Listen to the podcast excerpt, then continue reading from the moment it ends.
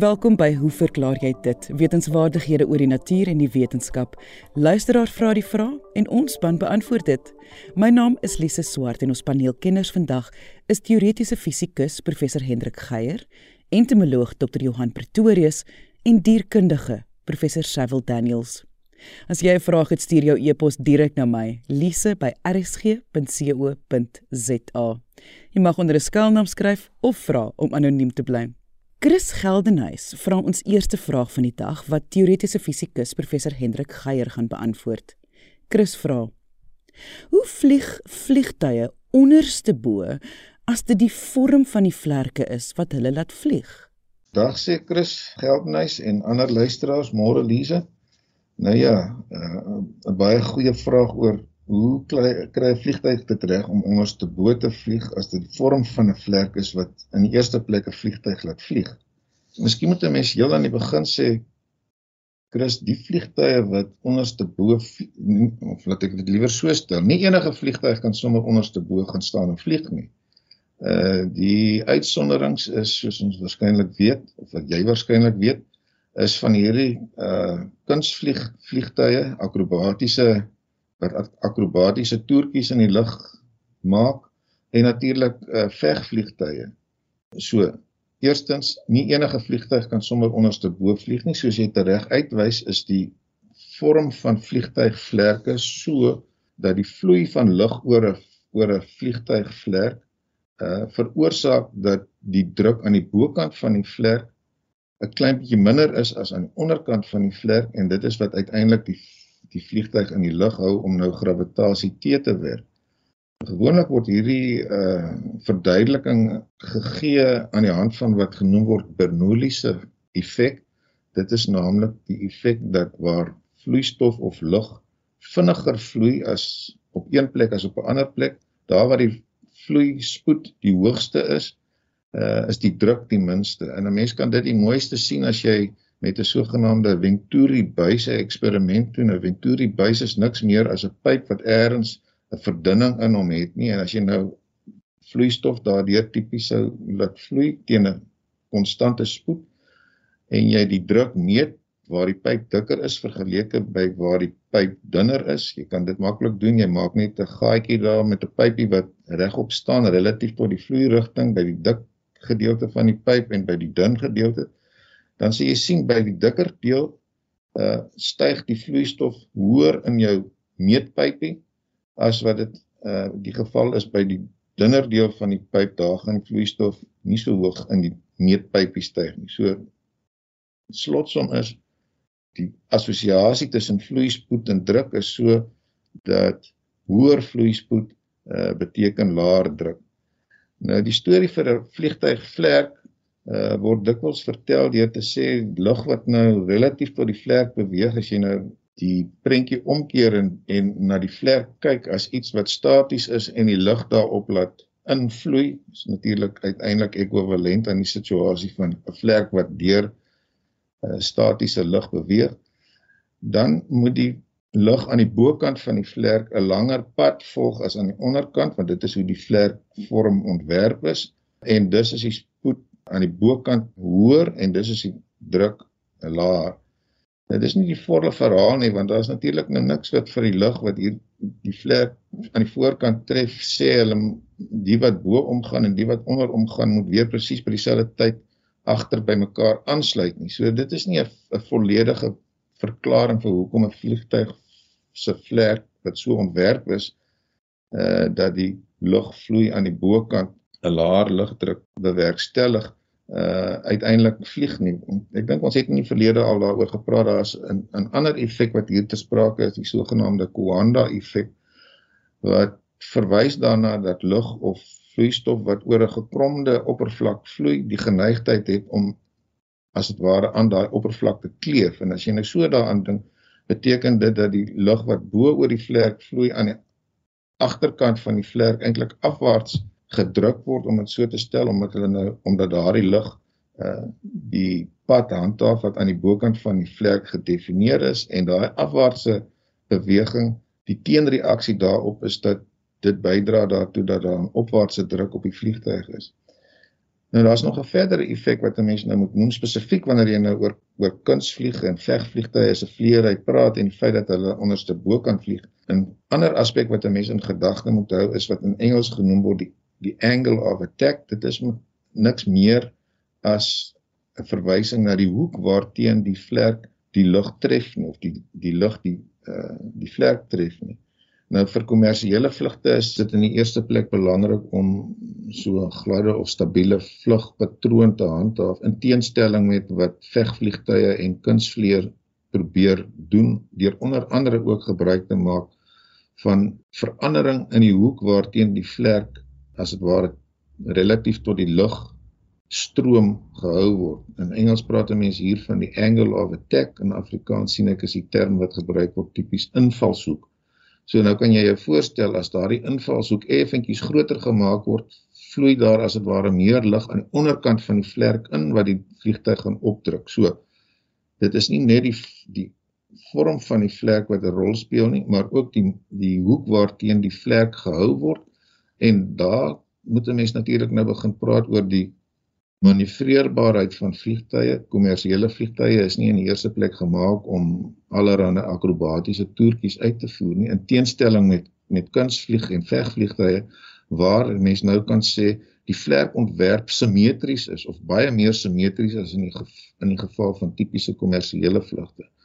So om onderste bo te vlieg verg ook besondere uh stuurkrag met ander woorde baie sterk engines relatief tot die grootte van die vliegtuig. Soos wat mense weet hierdie klein kunsvlieg vliegtuie het hulle het baie sterk motore. Uh, natuurlik geld dieselfde vir vegvliegtuie met hulle uh, straler masjiene of straler engines. Uh, so die feit dat hierdie goed baie vinnig kan vlieg en die loodse in staat is om die invalshoek van die van die vlerk relatief tot die lugstroom uh, baie fyn te beheer, stel hulle uiteindelik in staat om onderste bo te kan vlieg. So ek hoop dit help Chris. Uh die vorm van die vlek is inderdaad baie belangrik. Dis nie die enigste oorweging nie. Die invalshoek is belangrik. Die vlerk ontwerp vir die vliegtye wat wel daarop uit is om onderste bo te kan vlieg is ook verskillend vergeleke met die normale konstruksie wat afgestem is daarop om die om die lug aan die bokant van die vlek uh, vinniger te laat vloei as aan die onderkant van die vlek. So op die ou einde is dit 'n kombinasie van ontwerp en tegniek van die loodse wat hierdie goed uh, beheer uh, om die onderste bovleery hoegenaamd moontlik te maak. En dit was teoretiese fisikus professor Hendrik Geier. Volgende het Frans Fourie 'n vraag wat dierkundige professor Cyril Daniels gaan beantwoord. Frans skryf: Ek sit nou die dag op my agterstoep en knip my toenails en sien iets merkwaardigs voor my afspeel.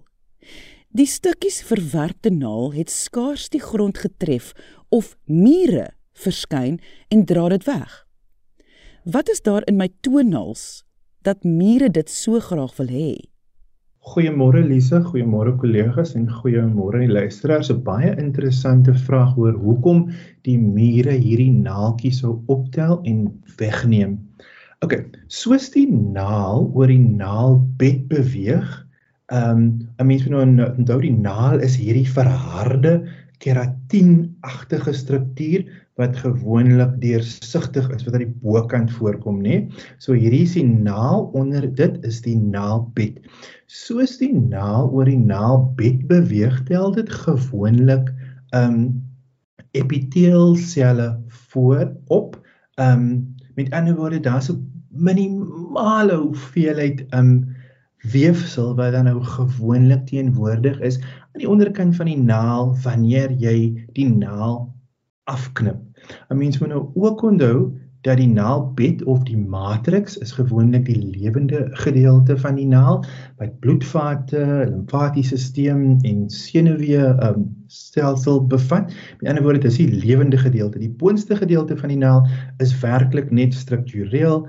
Dit help om die naalbed te beskerm dit word ehm um, bestaan hoofsaaklik uit keratien wat 'n strukturele proteïen is, dieselfde soos dit wat in jou in jou hare voorkom. Met ander woorde, dis werklik tot 'n groot mate 'n dooie ehm um, struktuur wat dan nou werklik net die onderste lewende gedeelte um, van die naal beskerm.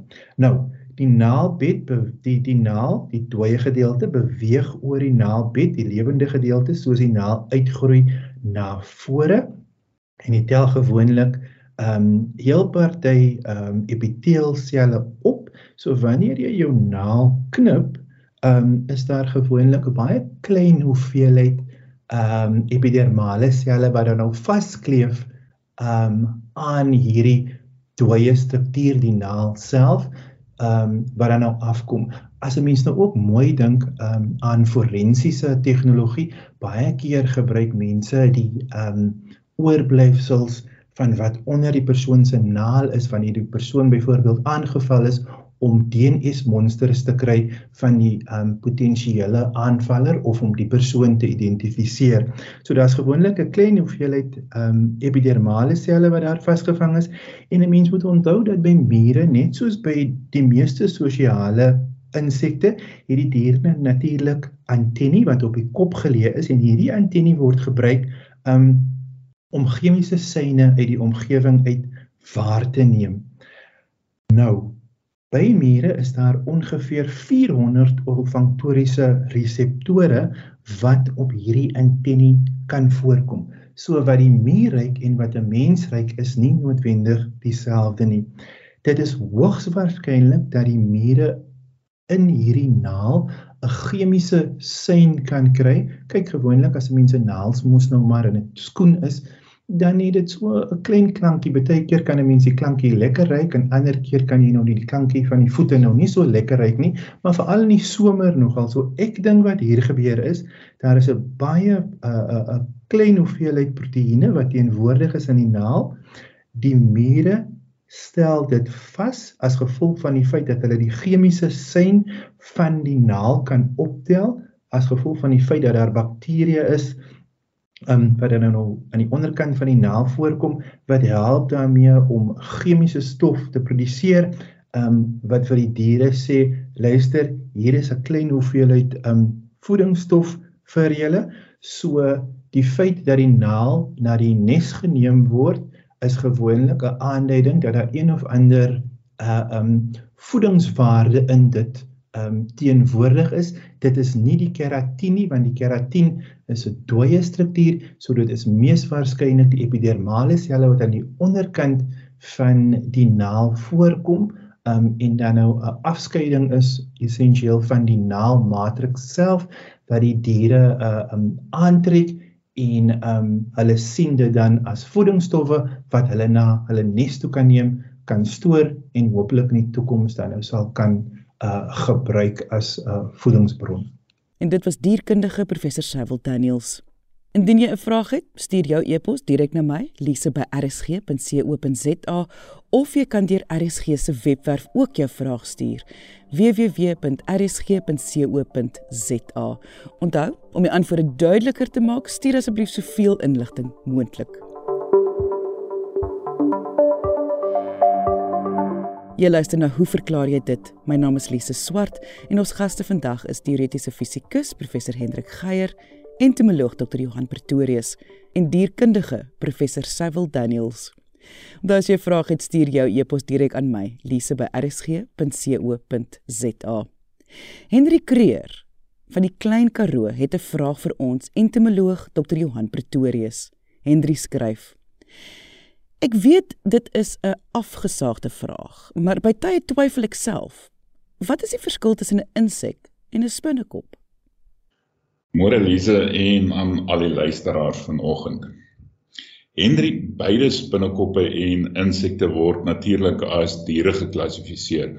Met ander woorde, hulle word in die biologiese koninkryk Animalia geplaas. Nou ja, ons almal weet dat dit 'n baie groot en diverse groep organismes is wat soos dag en nag van mekaar kan verskil as dit kom by hul grootte morfologie, ehm um, lewenswyses en en en Om meer sin hiervan te maak, word die koninkryk Animalia dan onderverdeel in 'n aantal filums. Daar is so 'n omgewing van 35 dierefilums afhangende van die klassifikasiesisteem wat gevolg word. Maar ons gaan fokus op slegs een van hierdie wat dan ook by verre die grootste dierefilm is in terme van die aantal spesies bekend, naamlik die film Arthropoda of die geleedpotiges. En dit Henry is die raakpunt tussen spinnekoppe en insekte.